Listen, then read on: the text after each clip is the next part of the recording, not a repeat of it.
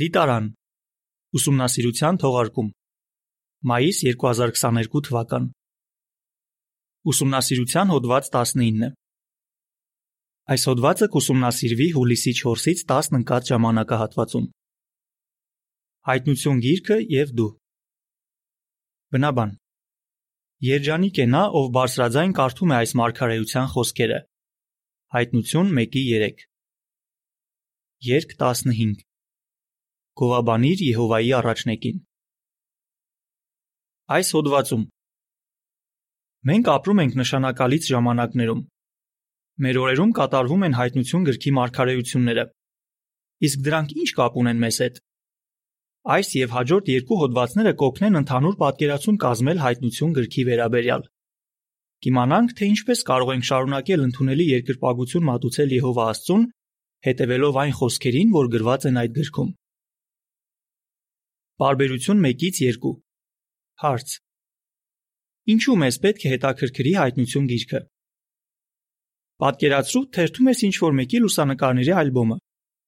Հիմնականում անծանոթ դեմքեր ես տեսնում։ Սակայն նկարներից մեկը գրավում է ուշադրությունդ, քանի որ նկատում ես, որ դու էլ կաս այնտեղ։ Նայում ես լուսանկարին եւ ուզում հիշել, թե երբ եւ որտեղ է այն արվել։ Նաև փորձում ես մտաբերել, թե քեզ այդ լուսանկարված մարդիկ ովքեր են։ Այո։ Այդ բոլոր լուսանկարների միջից հենց այդ մեկը առանձնահատուկ է դառնում քեզ համար։ Հայտնություն գիրքը նման է այդ լուսանկարին։ Ինչու՞։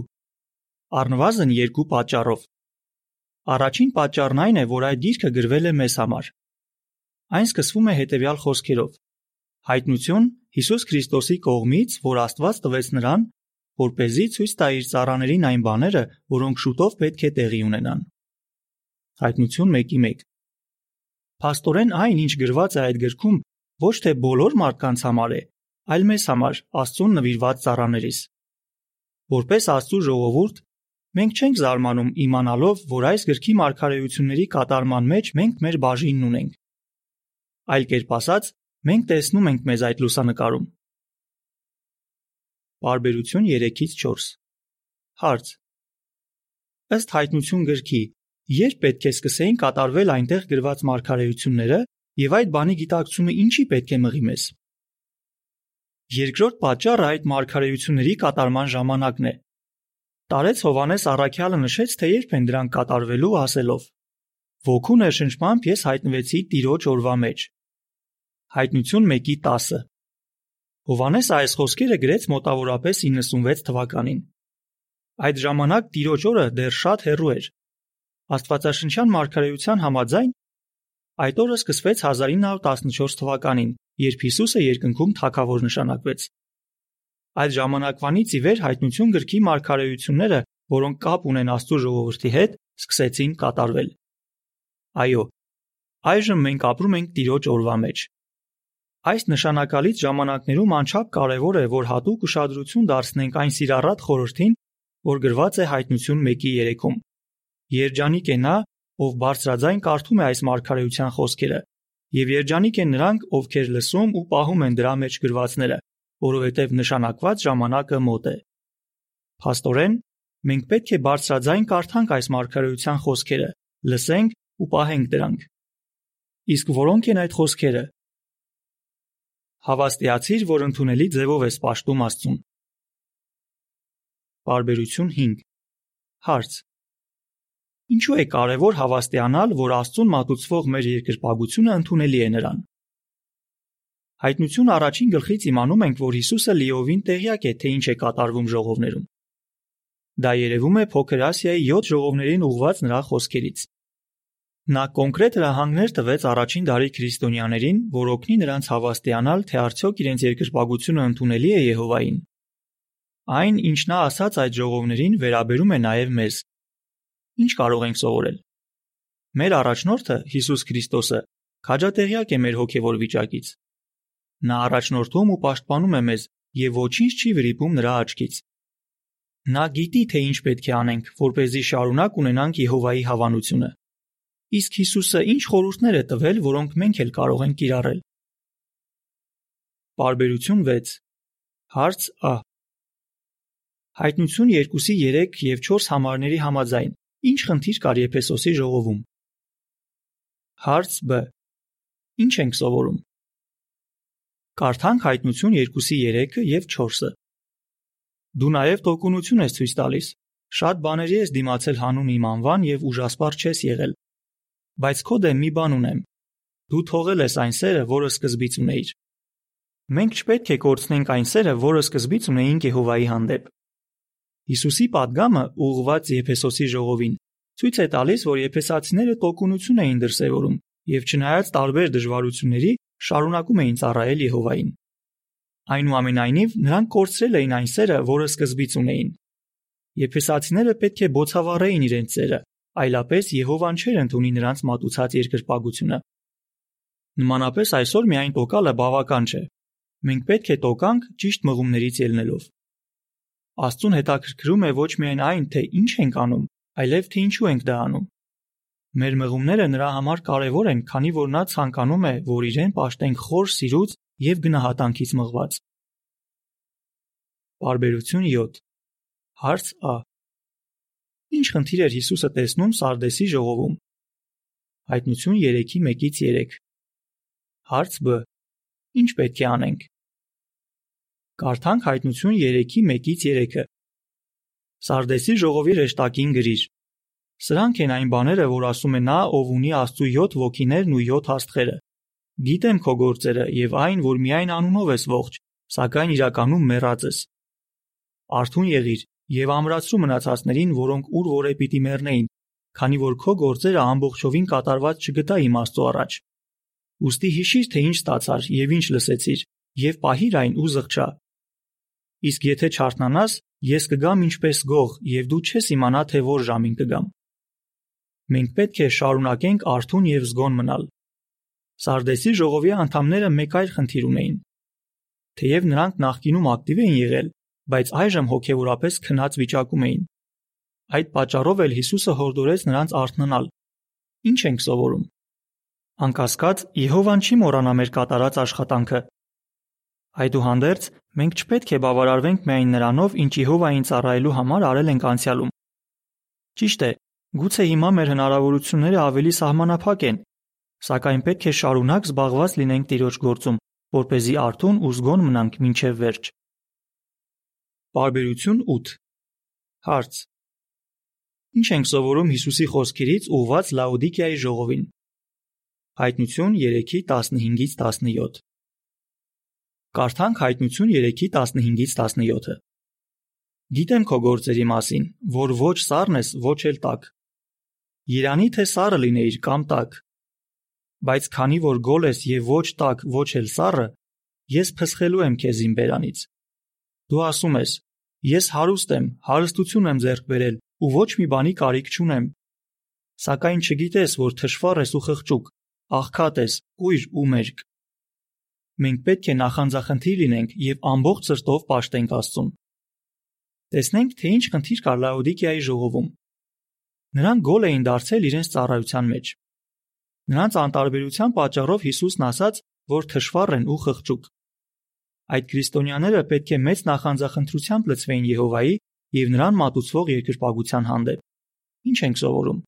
Եթե մեր երանդը թուլացել է, մենք պետք է խոր գնահատանք զարգացնենք այն ամենի հանդեպ,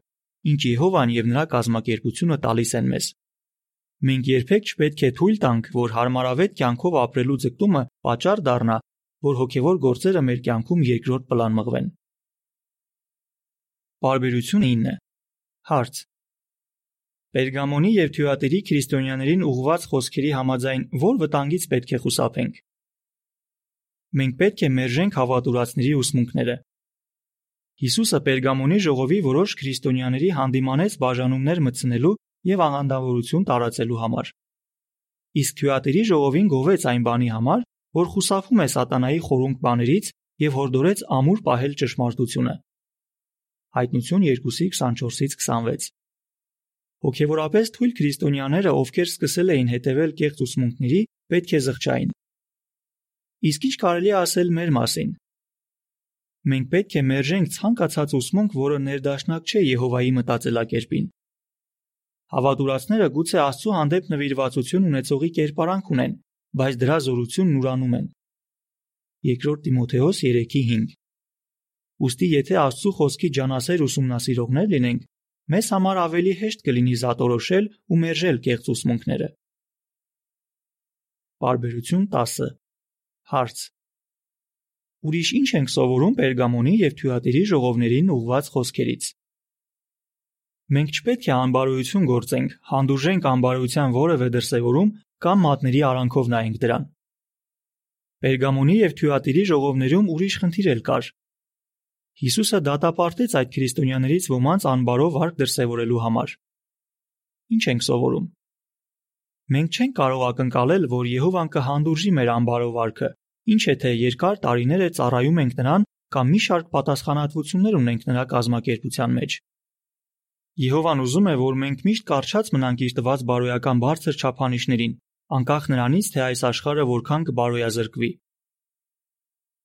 Բարբերություն 11 Հարց. Ինչ սովորեցինք։ Այժմ ամփոփենք մեր սովորածը։ Իմացանք, որ պետք է հավաստիանանք, թե արդյոք մեր մատուցած երկրպագությունը ընդունելի է Եհովային։ Եթե անում ենք մի բան, ինչի պատճառով նա չի ընդունի մեր երկրպագությունը, պետք է անհապաղ փոփոխություններ անենք։ Բայց եկեք տեսնենք, թե ուրիշ ինչի վրա ուշադրություն դարձրեց Հիսուսը ժողովներին դիմելիս։ Լրացուցիչ տեղեկություն։ Դասեր մեզ համար։ Չկորցնենք այն սերը, որը սկզբից ունեինք Եհովայի հանդեպ։ Արթուն եւ զգոն մնանք։ Լինենք նախանձախնդիր եւ ամբողջ սրտով պաշտենք Աստծուն։ Մերժենք հավատուրացների ուսմունքները։ Անբարոյություն չգործենք, չհանդուրժենք անբարության որևէ դրսևորում եւ մատների արանքով չնայենք դրան։ Լրացուցիչ տեղեկության ավարտ։ Պատրաստ եղիր դիմանալու հալածանքին։ Բարբերություն 12 Հարց. Այն ինչ Հիսուսն ասաց Զմյուրնիայի եւ Ֆիլադելֆիայի ժողովներին, ինչու պետք է հետաքրքրի մեզ։ Հայտնություն 2:10 Ուշադրություն դարձնենք, թե ինչ ասաց Հիսուսը Զմյուրնիայի եւ Ֆիլադելֆիայի ժողովներին։ Նա ասաց, որ չվախենան հալածանքից, քանի որ նրանց հավատարմությունը վարձատրվելու է։ Կարդանք հայտնություն 2:10։ Մի վախեցիր այն բաներից, որ կրելու ես։ Ահա բանսարկուն ձեզանից ոմանց բանտն է գցելու, որ դուք ամբողջությամբ փորձվեք եւ նեղություն կրեք 10 օր։ Հավատարիմ եղիր նույնիսկ մինչև մա, եւ ես կյանքի պսակը կտամ քեզ։ Ինչ ենք սովորում։ Մենք չպետք է անակնկալի գանք հալածանքի բախվելիս եւ պետք է պատրաստ լինենք դիմանալու դրան։ Ինչու է այս հիշեցումը կարևոր։ Բարբերություն 13-ից 14 Հարց. Հայտնություն 12-րդ գլխում նկարագրված իրադարձությունները ինչ ազդեցություն են ունեցել Աստծո ժողովրդի վրա։ Հայտնություն գրքից իմանում ենք, որ Աստծո ժողովուրդը Տիրոջ օրվա ընթացքում այսինքն մեր օրերում հալածանքի է բախվելու։ Հայտնություն 12-րդ գլխում ասվում է, որ անմիջապես այն բանից հետո, երբ Աստծո թակավորությունը սկսեց իշխել երկնքում, այնտեղ պատերազմ բռնկվեց։ Միքայելը, փառավորված Հիսուս Քրիստոսը, եւ նրա զորքը պատերազմեցին սատանայի ու դևերի դեմ։ Արդյունքում Աստծո ճշնամիները պարտություն կրեցին եւ ցած գծվեցին երկրի վրա, ինչի հետևանքով մարդկությունը անասելի ցավ ու տառապանք է կրում։ Իսկ ինչպես է այս ամենը անդրադառնում Աստծո ժողովրդի վրա։ Այնուհետև հայտնություն գրքում նշվում է, թե ինչպես է սատանան արձագանքում իր պարտությանը։ Նա այլևս չի կարող մուտք գործել երկնային ոլորտ։ Այդ պատճառով իր բարկությունը թափում է օծյալների վրա, ովքեր Աստծո թակավորության երկրային ներկայացուցիչներն են եւ նշանակված են Հիսուսի մասին վկայելու։ Հայտնություն 12:17 Ինչպես է այս մարգարեությունը կատարվել։ Բարբերություն 15 Հարց. Ովքեր էին հայտնություն 11-րդ գլխում նշված երկու վկաները եւ ինչ եղավ նրանց հետ։ Սատանան հրահրեց, որ Աստծո ճշնամիները հարցակվեն այն օծյալ եղբայրների վրա, ովքեր առաջնորդություն էին վերցնում քարոշչական գործում։ Այս եղբայրները ներկայացնում էին այն խորհրդանշական երկու վկաներին, որոնք սպանվեցին։ 1918 թվականին կազմակերպության մեջ առաջնորդություն վերցնող 8 եղբայրներ անհիմն կերպով մեղադրվեցին եւ դատապարտվեցին երկար տարիների ազատազրկման։ Մարդկային տեսանկյունից նրանց գործունեությունը սպանվեց։ Բարբերություն 16 Հարց. Ինչ զարմանալի բան տեղի ունեցավ 1919 թվականին, Բայց ինչ է սատանան շարունակում անել այդ ժամանակվանից ի վեր։ Հայտնություն 11-րդ գլխում նշված մարգարեության մեջ նաև ասվում է, որ երկու վկաները կարճ ժամանակ հետո պետք է կյանքի կոչվեին։ Եղբայրների ազատազրկումից գրեթե 1 տարի անց այս մարգարեությունը զարմանալի կերպով կատարվեց։ 1919 թվականի մարտին այդ օծյալ եղբայրներին ազատ արձակեցին բանտից, իսկ ավելի ուշ հանեցին նրանց առաջադրված մեղադրանքները։ Եղբայրները անմիջապես գործի անցան եւ նորից սկսեցին առաջ տանել թակավորության շահերը։ Բայց Սատանան չդադարեցրեց իր հարձակումները Աստծո ժողովրդի վրա։ Այդ ժամանակվանից սկսած նա հալածանքի գետը թափում է Աստծո բոլոր ծառաների վրա։ Իսկապես, Այստեղ է, որ յուրաքանչյուրս պետք է տոկունություն ու հավատ դրսևորի։ Հայտնություն 13-ի 10 Նկար. Բարբերություն 12-ից 16 Նկարի մակագրություն Երկնքից վայր գծվելուց հետո սատանան ինչպես է հարձակվել Աստծո ժողովրդի վրա։ Լիարժեքորեն մասնակցիր Եհովայի հանձնարարած գործին։ Բարբերություն 17 Հարց.